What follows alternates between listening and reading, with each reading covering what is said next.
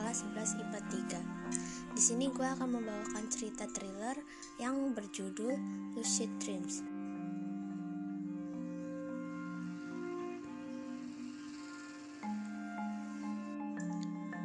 Di pagi hari, para murid SMA Wanderta saling menyapa selamat pagi Saling berbincang dan tertawa dengan sesama kubunya memasuki gerbang sekolah dan menaruh sepatunya di loker. Ini hari pertama bagi para siswa kelas 10 yang baru. Seharusnya ini awal langkah yang baru. Halaman baru, langkah semangat baru untuk siswa-siswi kelas 10. Tapi, tidak dengan seorang gadis pendek berambut coklat pendek bermata hijau dengan bandana pita merah. Dia lesu, seolah-olah hari ini sama saja dengan sebelumnya. Gadis itu bergumam, Andai aku mati saja saat itu, dunia ini melelahkan. Bel pelajaran pertama dimulai. Murid-murid semua, ini adalah langkah baru untuk kalian memperluas interaksi sosial kalian. Bapak akan beri angket pengenalan sekolah murid baru. Isi dan kumpulkan ini hari Rabu, yang berarti dua hari lagi ya murid-murid. Silakan mengeksplorasi sekolah.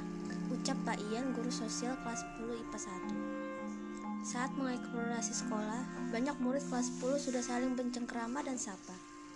Hei, seorang memanggil gadis kecil itu. Nama gue Sira. Kalau lu? Tanya cewek berambut hitam panjang. Itu Sira, teman sekelas gadis kecil itu. Si, Hei Sira, ke sini sebentar. Ucap seseorang yang tak jauh dari posisi kami. Baik, sebentar. Ucap Sira tersenyum. Kamu bilang apa tadi? Tanyanya lagi. Bibir gadis kecil itu yang tadinya ingin menjawab langsung diam dan langsung meninggalkannya acuh. Dia bisa jadi bahan omongan siswa-siswi di sini kalau deket dengan gue. Dan juga orang memanggilnya, tadi temen SMP gue, dia akan kasih tahu ke Sira masa lalu gue dan menyuruhnya menjauhi gue. Lebih baik begini. Iya, lebih baik begini. Gumamnya. Bel sekolah berdenting tiga kali menandakan waktu pulang. Sesampainya di rumah, "Aku pulang, Nenek," ujarnya. "Selamat datang, cucuku," sambut neneknya. "Bagaimana hari pertama sekolah?" tanya neneknya. Sudah kuduga batinnya. "Baik, Nek." Terpaksa dia berbohong karena dia tidak mau neneknya kepikiran soal masa lalunya lagi. Syukurlah, Istirahatlah dulu. Nenek mau ke Mbok Yanti buat beli sayur. Nenek mau masak sup jagung kesukaanmu. Ucap nenek dengan senang dan pergi. Aku pun ke kamar tanpa ganti. Gadis kecil itu ke kamar tanpa ganti baju dan tiduran. Sampai kapan bisikan dan tatapan itu berhenti ya? Mengganggu aja. Mereka pikir aku monster. Kalau begitu mereka apa? Membuat perasaan orang tidak tidak nyaman andai aku bisa bunuh diri tapi masa ada nenek gak mungkin aku meninggalkannya ujar Z iya nama cewek suram itu Z Aleta. Dia punya masa lalu yang di mana dirinya ngerasa seperti neraka. Kalau aku tidur apa mimpi buruk itu akan muncul lagi? Kapan mimpi itu berhenti menghantuiku? Ucap Z menghela nafas. Kalau dipikir-pikir lagi, sudah setahun aku bermimpi buruk itu sejak dua hari kejadian setahun yang lalu. Kejadian mengerikan. Setiap kali aku tidur, mimpi itu tidak pernah absen. Mimpi di mana aku melihat ayah yang membunuh seseorang dan waktu itu menghampiriku dengan tatapan seperti psikopat. Ibu yang meninggalkanku dan ditemukan terbunuh dengan racun di rawa Kaili dan abangku yang mengikuti jejak ayah yang tiap kali aku bertemu dengannya dia pernah penuh darah, penuh goresan dan membawa senjata pisau setiap mimpi itu datang. Batin gadis kecil itu. dia mengulurkan kalung yang dia pakai di lehernya dan menatap kalung permata itu, permata hijau itu dalam-dalam. Ayah seorang pembunuh. Lantas kenapa di umur 7 tahun dia memberiku kado ulang tahunku kalung permata hijau ini. Pikiran Z, gadis kecil itu bertanya-tanya. Ayah rasa kalung ini cantik sekali kalau putri manis ayah memakainya. Persis seperti matamu. Kata-kata ayahnya sembilan tahun yang lalu. Si menghela nafas sekali lagi, dan karena otaknya sudah berat, sekuat apa pun dia bertahan untuk membuka matanya lebar-lebar, dia tetap tidak bisa melawan rasa kantuknya yang sudah empat hari dia tahan. Hingga akhirnya dia pun tidur siang.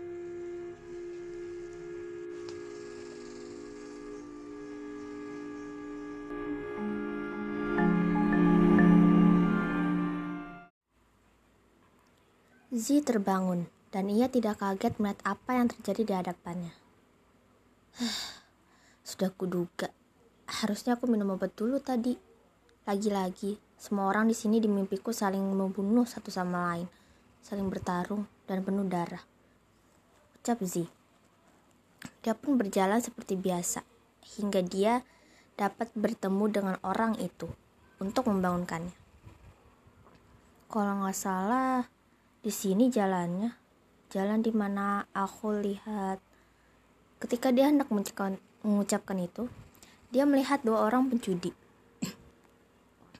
Hahaha, kamu kalah sobat. Sini tanganmu. Tinggal satu jari kelingking saja kan? Gampang lah, ini kapak aku potong. Ucap seorang pria besar dengan baju coklat. Cih, kamu curang, benipu, ucap lawannya yang berbaju ungu. Jalan di situ mulai kotor dengan darah. Karena tanpa ragu-ragu, lawannya yang baju ungu itu membelah kepalanya dalam melemparkan pisau secara cepat.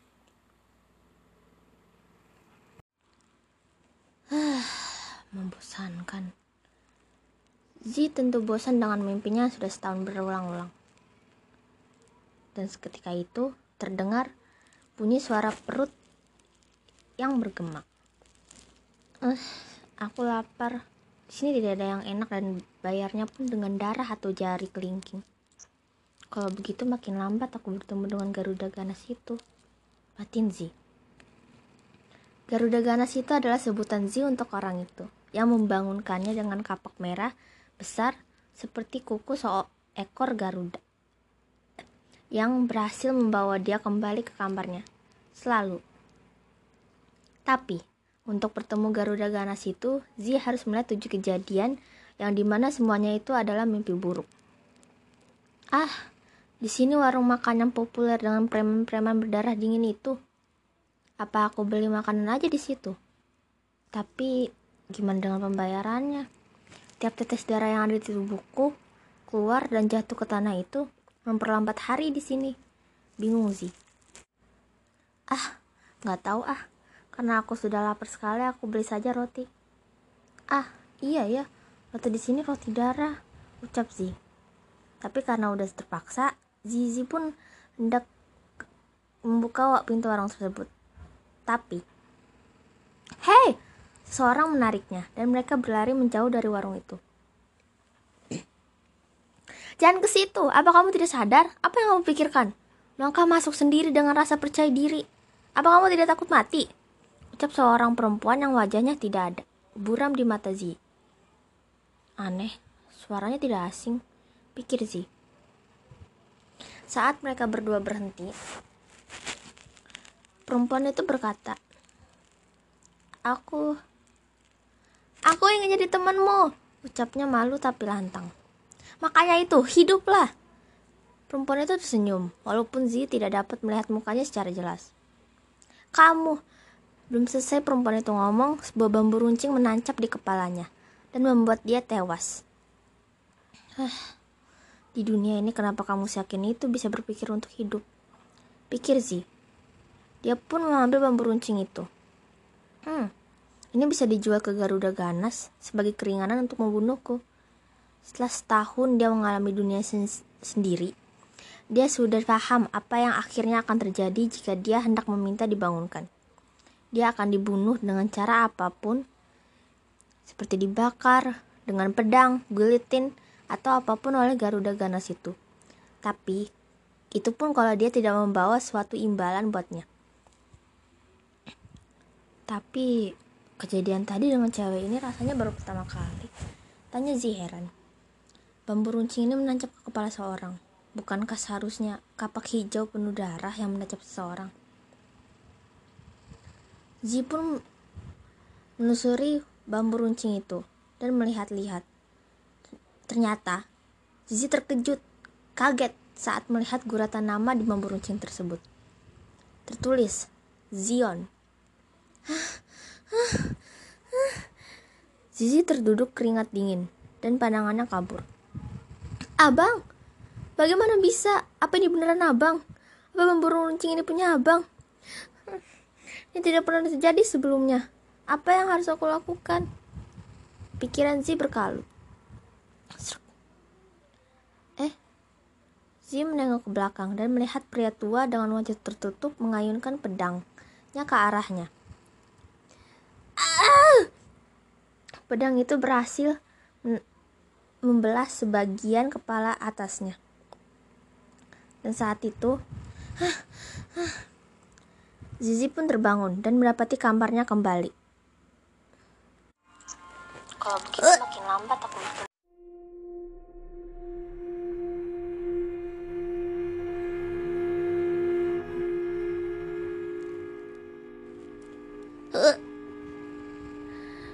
Zizi pun ke kamar mandi dan muntah darah plus mimisan. Pintu terbuka dan mendapati sang nenek yang membawakan bekalnya. Sang nenek pun terkejut. Ya ampun, cucuku, kamu tidak apa-apa? Tanyanya risau. Iya, aku tidak apa-apa, Nek. Loh, kok kamu pingsan? Biasanya tidak pernah terjadi hal kayak begini. Neneknya pun sudah tahu dan terbiasa apa yang terjadi sejak setahun yang lalu kepada cucunya. Tapi, inilah pertama kali beliau melihat cucunya mimisan. Ayo kita ke dokter, nak, pinta Nenek Zizi. Tidak apa-apa, Nek, tidak usah. Aku mau berangkat sekolah. Ucap Zi lalu berlalu mengambil handuk. Hendak mandi. Loh, piye iki? Kamu mimisan darah begini masa sekolah sih, Cuk? Gak usah lah. Nanti nenek izinkan ke sekolah kamu ya. Malah sang nenek karena khawatir. Tidak apa-apa, Nek. Aku harus rajin sekolah kan, karena ini dari beasiswa dan uang nenek. Ucap Zi, lalu mandi. Sang nenek pun tersenyum dan termenung.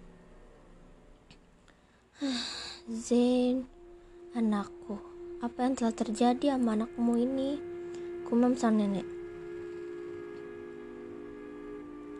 Saat di sekolah. Yuh, uh, Zi. Nama lu Zi Aluka kan? Sira menghampiri Zi dengan memanggilnya nama yang salah. Zi pun terkejut. Suara dia mirip seperti perempuan yang kepalanya terbelah bambu runcing. Seketika Zi mengingat Nama bambu runcing diserbut. Zion. Lagi-lagi Zi berkeringat dingin. Hei, apa lu baik-baik aja? Tanya Shira dan memegang dahiku. lu demam. Keringat dingin lu banyak sekali. Ayo kita ke KS. Shira menarik tangan Zi dan segera membawanya ke KS. Setelah diperiksa, Zi, gue bawain roti pandan nih dan air putih. Gue dengar dari Lilian lu sering beli ini waktu SMP. Makanlah. Terima kasih. Ucapnya pelan. Sira menatap Zi lambat tamat. Ternyata lu tidak seburuk yang orang-orang gosipkan ya. Lu masih punya kesadaran untuk mengucapkan terima kasih. Hmm. Ucap Sira tersenyum. Apa-apaan? Kenapa dia jadi aneh begini? Patin Zi. Drak. Pintu UKS kebuka. Zizi, lu baik-baik aja?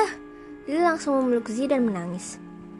Lu Lili anak IPS 2 kan? Apa lu temannya Zi? Tanya Sira. Iya, gue sahabatnya. Apa yang lu lakukan terhadap Zi? Hah? Jawab.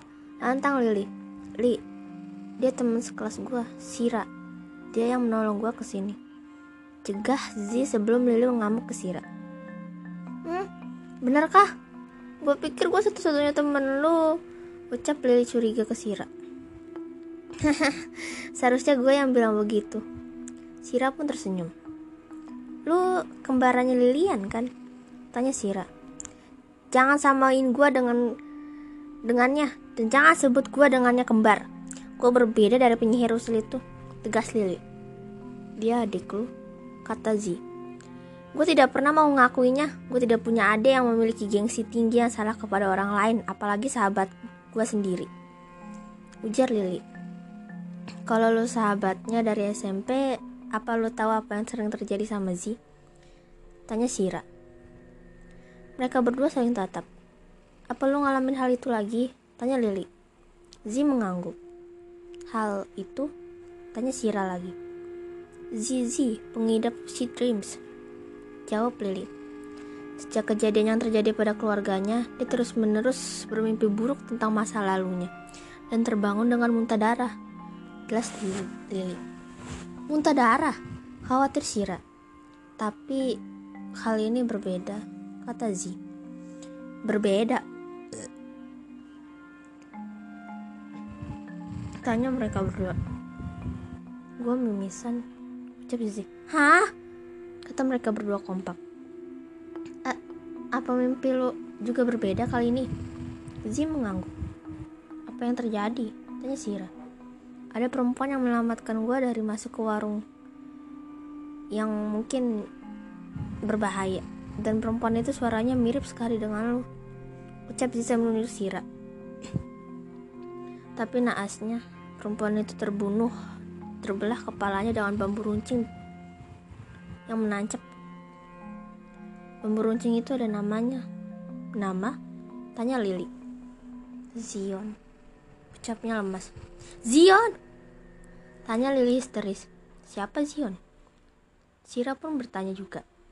Zizi dan Lili saling bertatap. Dan Zi mengangguk. Zion itu abangnya Zi tapi abangnya itu seorang pembunuh.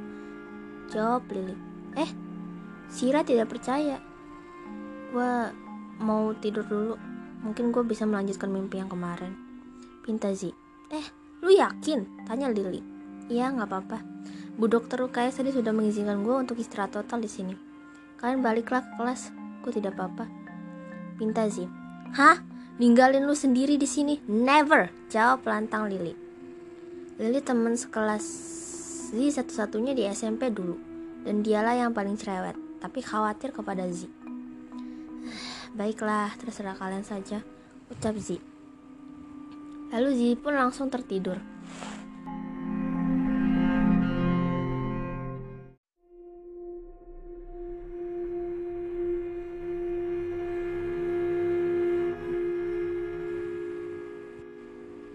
Hei, hei bangun, jangan berdiam di sini. Zizi pun terbangun dari tidurnya dan mendapatinya mimpinya kembali. Lili, dia pun bergumam. Lili jarang-jarang muncul dalam mimpinya, tapi kali ini dia muncul walaupun dia, walaupun Zizi tidak dapat melihatnya, melihat mukanya, tapi Zizi tahu kalau itu suara Lili. Ayo, kita harus lari. Eh, suara ini persis seperti perempuan yang mati kemarin. Batin Zi. Mimpi ini makin rumit dan membuatku bingung. Gumam Zi. Tapi kami terus berlari. Dua perempuan yang suaranya persis seperti temanku menarikku menjauh dari gerombolan orang-orang maniak darah dan ingin membunuh satu sama lain. Di real life, Zizi, Lili lesu dan khawatir. Tidak perlu terlalu khawatir. Jika kamu sahabatnya, lu seharusnya sudah tahu kalau dia mampu hal seperti ini. Rupanya, Shira dan Lili memegang tangan Zi di UKS karena melihat Zizi berkeringat dingin yang sangat banyak. Dream life.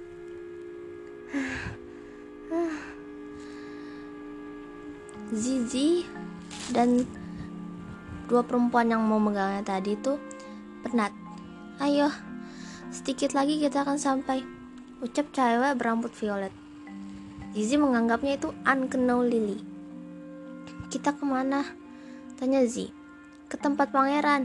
Ucap perempuan berambut hitam panjang, persis seperti Sira, dan menganggapnya sebagai unknown Sira. Pak, pangeran? Tanya Zi bingung. Sebelumnya tidak pernah ada toko-toko fantasi di mimpi Zi. Tiba-tiba, seseorang pemuda membawa pedang merah menuju kami, berlari. Gawat, kita harus menghindar, kata Ankenosira. Pemuda itu hendak membunuh kami bertiga dengan pedangnya.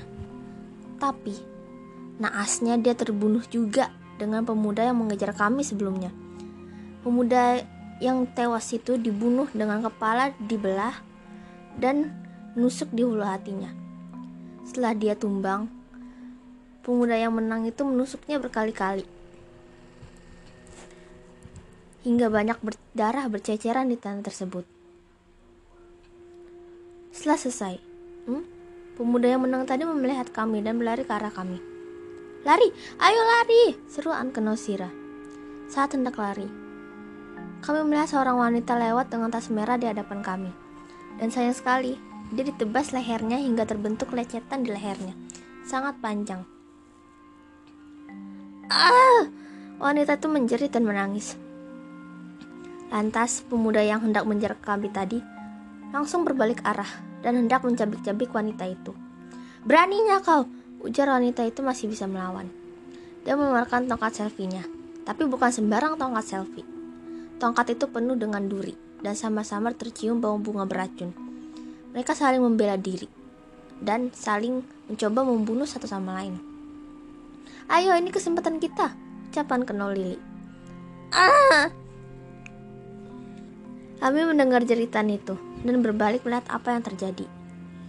Ternyata pemuda itu menang sambil memegang kepala wanita tadi dan membelahnya menjadi dua kepala tersebut. Dengan secara jelas dilihat oleh mata kami semua. Sepertinya dia benci sama perempuan ya, atau tergila-gila. Gumeman kenal Lili. Setelah itu, pemuda itu melihat kami. Seperti psikopat, Banti dan kenal Lili seperti ayah dan ibu. Batinku terengah, batin Zizi ada. Sepertinya dia mau ke sini. Batin dan Kanosira. Dan tepat, pemuda itu berlari ke arah mereka. Ayo cepet lari! Ujar mereka berdua panik dan menarik tangan Zi. Sore harinya, kita dikit lagi sampai. Lily menunjuk peternakan tua warna merah di ujung bukit. Setiba kami di sana, kami datang, ucap mereka dan membawa Zi masuk. Pah, pangeran, kami sudah bawa dia, ucap Unkenal Lily. Wah, terima kasih kalian berdua. Hmm, suara ini, tanya Zi melihat ke atas. Lama gak bertemu, Zi. Pemuda itu, Zion, tengah tersenyum ke saudaranya. A apa? A Abang? Tanya Zi kaget. Hei, hormat kepada panggilan Zi, jangan panggil dia sembarangan. Ucap seorang pemuda yang kira-kira umurnya seperti abang, 19 tahun, tidak jauh dari posisi Zi. Abang tersenyum.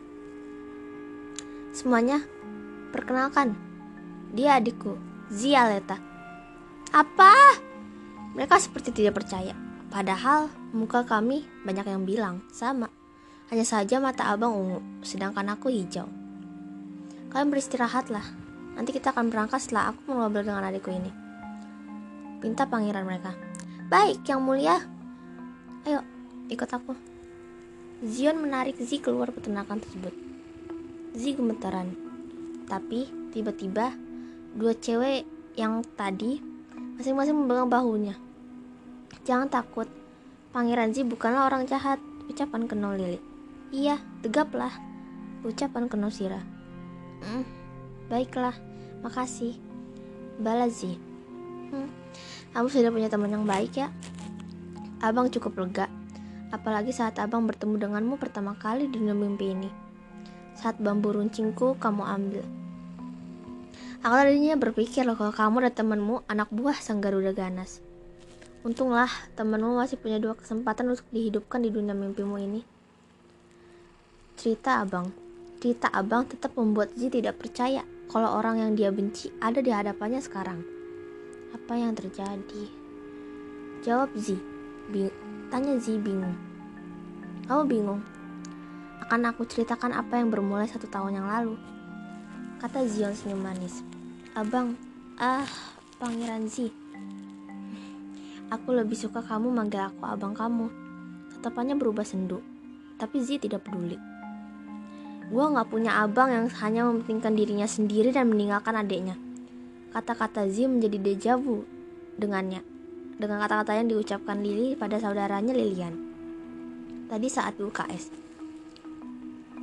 Abang tahu, abang salah, dan abang mengakui itu.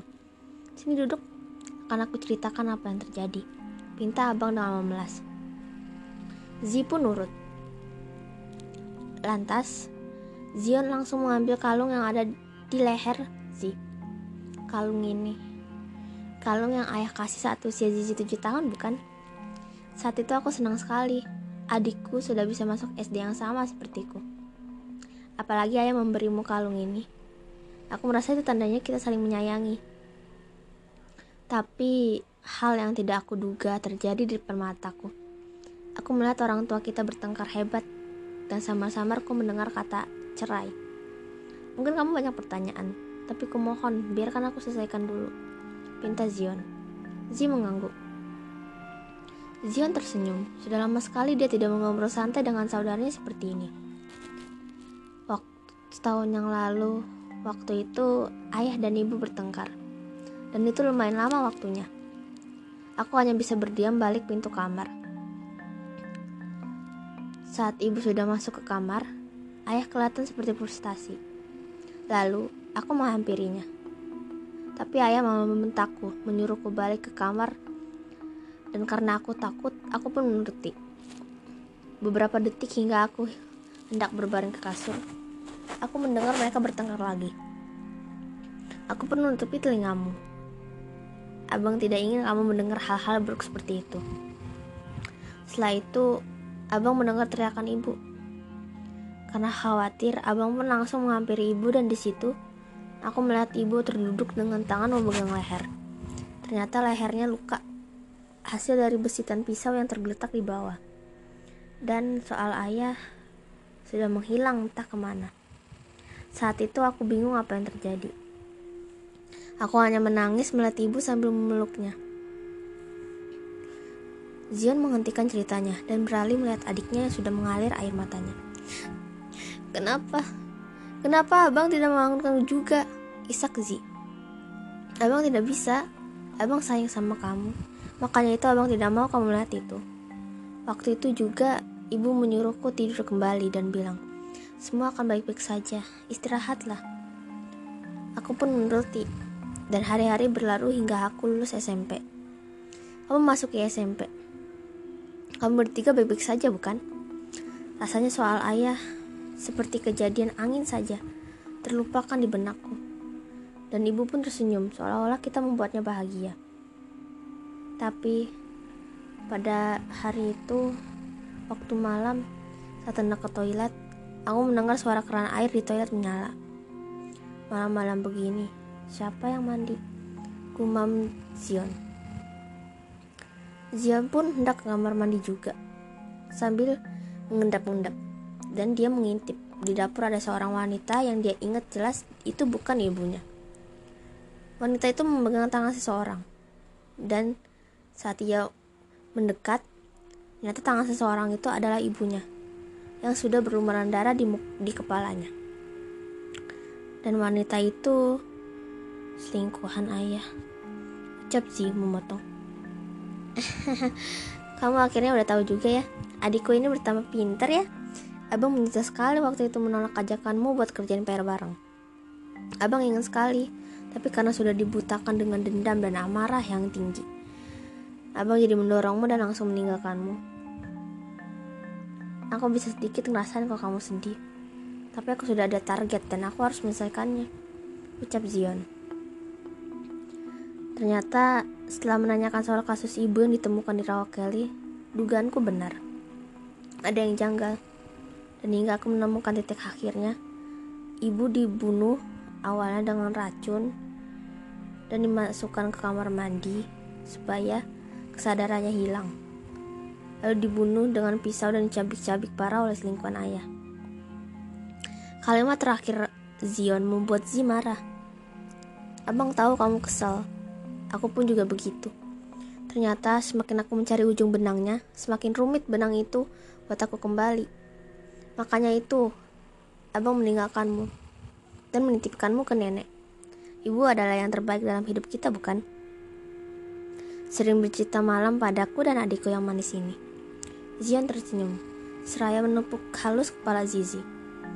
Ayah juga dulu yang terbaik. Tapi karena ayah dibutakan oleh duit perempuan itu, dan ayah jadi membunuh kakek karena kakek menolak keinginan anaknya untuk beristri dua. Kakek tahu ayah tidak akan bertanggung jawab soal rumah tangga.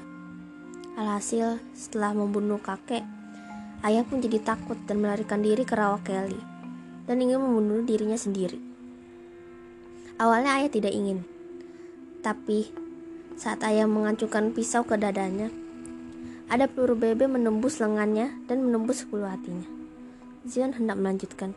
Jadi ayah dibunuh? Tanya Zi. Iya, oleh selingkuhannya sendiri. Eh, kok abang tahu? Tanya Zi lagi. Karena aku datang ke TKP itu dan meminta izin ke pihak kepolisian. Saat abang titipkan kamu ke nenek. Ada detektif yang hebat di situ, detektif Asher. Dia bilang dia merasa ada yang janggal. Makanya itu dia menyuruh kawan-kawannya melihat sekeliling dengan sesama dan seorang polisi menemukan jejak dalam. Jejak kaki yang besar seolah-olah dia seorang pria. Lalu detektif berkata kalau ayah dibunuh oleh seseorang. Aku pun mengikuti detektif itu dengan memohon supaya tahu apa yang terjadi dengan ayah dan ibu. Butuh waktu lama, hingga seminggu dari kejadian aku berada di TKP, TKP terakhir kali. Aku kembali ke Rawa Kelly hanya buat kenang-kenang saja. Tapi di situ aku melihat seorang wanita dan pria berjas hitam dengan postur tubuh tegap. Karena tidak tertarik, aku ingin balik. Tapi saat aku mendengar ada suara jeritan pria tersebut dan melihat dia ditembak di dada oleh wanita itu, aku terkejut. Wanita itu jangan-jangan pikir si curiga. Iya, selingkuhannya ayah. Sampai saat ini aku nggak tahu siapa namanya. Pandangan Zian tunduk. Kenapa dia membunuh pria itu? Apa pria itu selingkuhannya yang lain? Tanya Zi. Saat Zion hendak menjawab, pemuda yang merupakan temannya itu menyela. Hei, dengarkan dulu orang bercerita baru tanya. Sahut pemuda itu. Pemuda ini siapa sih? Kenapa selalu aku yang disalahkan? Batin Zi kesal. Kalian mau nguping? Tanya Zion. Kak, kami tidak sengaja lewat pangeran. Saat pangeran bercerita, ucapan ke Nusira. I iya, tapi kami sudah tertarik. ucapan ke Jadi kami diam di sini. Ucap pemuda itu. Tapi karena perempuan ini dari tadi cerewet terus, saya jadi tidak bisa tolong diri yang mulia. Sama pemuda itu. Hei, apa lu nggak bisa ngaca? Lu juga cerewet ngomongin gue dari tadi. Apa salah gue, hah? Padahal kita baru kenal. Kenapa situ yang sewot? Tegas Zi mendekat hingga ke wajah pemuda itu. Sudah, sudah. Kalau kalian mendengarkan, duduklah. Jawab Zion, meler Zion melerai. Hah? Kok mereka juga ikut dengarkan sih, Bang? Tanya Zi ngerasa gak adil. Tidak apa-apa. Dia juga termasuk mengidap lucid dreams sepertimu dan aku. Daripada kamu nanti ditanya-tanyain saat bertemu dengannya di sekolah. Makanya kamu gak suka begitu. Ada ke Zion. Oh, jadi pemuda yang tidak ada mukanya ini punya penyakit sepertiku. Batin Zi. Aku sambung boleh ya, adikku yang manis. Zion tersenyum. Abang, aku bukan anak kecil lagi. Ucap Zi sambil melotot ke arahnya. Hah, dia sendiri juga gak bisa ngaca. Balas pemuda itu. Abang kamu bilang? Balas Zizi. Wush, kalian berisik. Awas nanti jadi suka loh. Ucapan kenal Lili. Kami pun akhirnya berhenti. Sambung ceritanya pangeran, pintaan ke Nosira. Baiklah, tadi kamu tanya siapa pria itu. Abang mena Zion menatap Zi. Zi mengangguk. Pria itu adalah suruhan wanita tersebut. Jawaban Zion tidak terduga. Kenapa dia membunuh suruhannya sendiri, pangeran? Sahut Lily dan Sira kompak, persis seperti real life. Soal itu aku masih belum tahu, tapi Hari itu adalah hari diberitakannya abang membunuh wanita itu. Iya kan? Tanya Zi. Tepat. Tapi aku memiliki, tapi abang memiliki alasan kenapa membunuhnya. Setelah wanita itu menembak suruhannya, mencabik-cabiknya, persis seperti apa yang dia lakukan pada ayah dan ibu. Dia mengambil jantung suruhannya itu, dan membuangnya ke rawa Kelly. Awalnya aku ingin kabur dan melapor polisi pada dan detektif itu, detektif Asher. Tapi urung, setelah wanita itu berkata begini ke rawa Kelly. Kamu bodoh sekali, Zain. Memilihku hanya karena harta, tapi merindukan istrimu dengan wajah payah seperti itu. Kalau kamu terus memikirkanku, lebih daripada perempuan rendahan itu, aku mungkin bakal taruh jantungmu di akuarium yang lebih bagus, sehingga aku bisa menatap jantung itu lama-lama. Daripada membuangnya ke sampah di rawa kali ini. Sayang sekali, kamu tidak mencintaiku. Aku pun seakhirnya juga sama sekali tidak mencintaimu. Kamu bodoh ya, bisa terperangkap begitu dalam godaanku. Ucap wanita itu. Suara ranting patah berbunyi. Siapa di sana? Keluar atau ku tembak! Ujar wanita itu ketakutan. Zion menakut-nakutinya terlebih dahulu dan bergerak cepat untuk muncul di belakangnya. Tapi sayang, wanita itu mengetahui gerakan Zion. Lalu wanita itu berkata? Kamu putra pertama dari mantan cowokku kan? Dan perempuan rendahan itu? Berani-beraninya kamu melawanku padahal gak bawa senjata sama sekali ayah dan putra-putrinya sama-sama bodoh. Kamu akan mati sekarang. Saat wanita itu hendak menekan pelatungnya. Akhirnya, kepolisian datang. Zion sempat mengirim kode oleh telepon yang detektif Asher kasih kepadanya. Alhasil, wanita itu ketakutan dan menjatuhkan senapan dan seraya mengangkat tangan. Tapi, karena Zion sudah punya target untuk membalaskan dendam ibunya, wanita itu menoleh ke belakang. Zion pun mengambil senapannya dan membunuhnya. Peluru itu tepat di ulu hatinya. Wanita itu memuntahkan darah. Bekas tembakan ulu hatinya terluka parah dan darahnya mengenai muka Zion. Polisi pihak kepolisian melihat itu dan terkejut. Tapi wanita itu masih bisa bertahan sedikit sambil memegang kaki Zion dan hendak ngomong sesuatu. Aku sangat mencintai ayahmu. Cap wanita itu.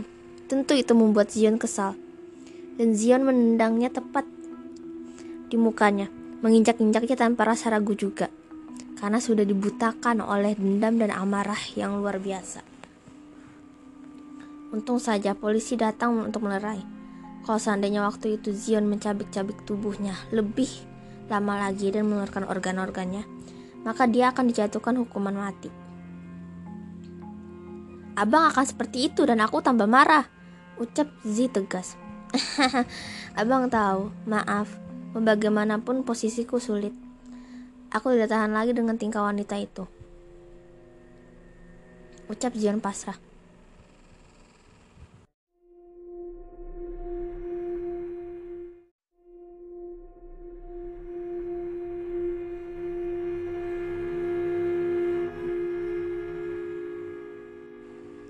Z terbenung. Kalau aku jadi abang, mungkin aku akan melakukan hal yang sama. Batin Z. Saat itu pula, Z melihat ke bukit seberang, tak terlalu jauh dari tempat pertenakan. Ada beberapa gerombolan yang membawa kapak merah dan saling membunuh satu sama lain. Yang kuat menang, berkuasa. Yang lemah mati di tangannya hingga akhirnya Zizi tersadar sesuatu. Aku harus kuat. Ibu selalu bilang kalau kita kuat, hanya saja rasa takut menghantui. Padahal perasaan takut itu tidak boleh dipercaya. Ucap Zi pelan. Iya, kamu benar. Zion membalas Zi dan mendengarnya. Nah, sekarang serahkan kalung itu Zi. Minta Zion. Eh, buat apa? Kalung itu merupakan benda yang ada di masa lalumu jika kamu jika lu ingin keluar dari mimpi buruk ini, maka hancurkan barang yang membuat perasaan lu sakit. Tapi tidak mesti lupakan perasaan dan kenangan di masa lalunya. Karena itulah yang membuat lu kuat, ujar pemuda, sahut pemuda itu. Leon juga punya benda yang sama di masa lalunya, yang kelam. Sebuah gelang rotan dari kakeknya yang mengkhianati dia dan membunuhnya kedua orang tuanya. Ucap Zion. Ah, jadi nama pemuda ini Leon. Batin Z. Tapi kok abang bisa mengenalinya? Tanya Z. Dia teman sekelasku. Dia juga yang membantuku mencari jejak keberadaan ayah dan ibu. Balas Zion. Nah, kalau begitu kita semua sudah lengkap. Kalung permata hijau, gelang rotan, dan batu rubi ini. Zion mengeluarkan sebuah batu rubi kecil bersinar sambil mengayunkan pedangnya untuk menghancurkan ketiga benda itu. Ah, itu dari ibu, ujar Zizi sambil menunjuk batu rubi kecil itu. Iya, dengan begini kita bisa melupakan mimpi ini dan tidak akan pernah kembali lagi. Sambung Zion. Gak sangka, semua ini hanya mimpi kalian ya. Seperti nyata, ucap Ankenusira. Semoga kalian happily ever after di real life ya. Ucap Ankenol Lily. Zee memandang mereka berdua dan tiba-tiba tersenyum sambil mengucapkan terima kasih sahabatku jawab Zi saat Zizi menghilang bersama dengan Lizion dan Leon Ankenol Sira dan Lily saling berpandang dia bilang tadi sahabat kan ucap Ankenol Sira Iya, wah, aku senang sekali. Rasa hangat sekarang.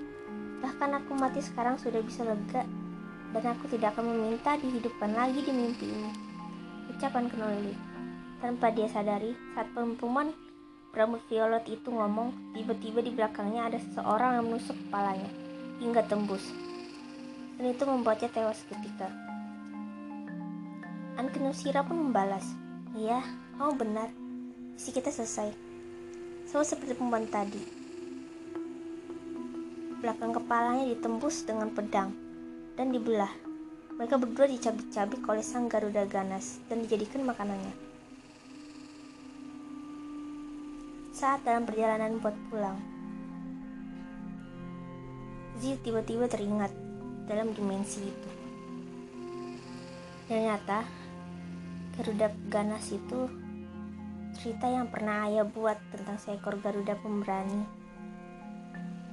Yang dulu waktu ayah ceritakan saat aku dan abang masih ke SD. Hmm, lucu juga ya hidup ini. Angin berhembus, tirai UKS mengikuti gerakan angin. Uh. Ah, Zi! Zizi menatap teman barunya dan langsung memeluk mereka. Eh, Zizi, lo baik-baik aja? Tanya Lily. Ada apa nih tiba-tiba? Sira menanyakan hal yang sama. Gue baik-baik aja, terima kasih ya. Balas Zizi dengan tersenyum. Mereka berdua bingung. Lantas mereka pun keluar dan langsung menuju kelas masing-masing. Si bergumam. Hei. Tidak, dia berbatin. Hei, apa kalian ingin tahu sesuatu? Dari pengalamanku ini, selagi kita masih memiliki nyawa, kita harus bertarung di zona masing-masing. Jangan menyerah dan, dan jangan pesimis buat mati.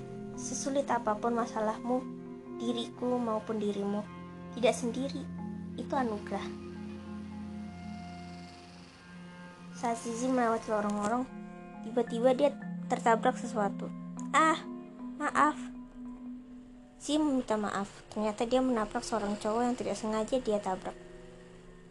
Lain kali hati-hati. Ucap cowok tersebut. Ah, baik. Aneh, cowok itu rasanya gak asing. Pikir sih. Pemuda yang berlalu berambut coklat itu tersenyum. Dan dia bergumam. Kamu beneran anak kecil ya. Wow, Zi, Lu kenal dia? Dia kan anak kelas 3 yang populer di school basket. Siapa ya namanya ya?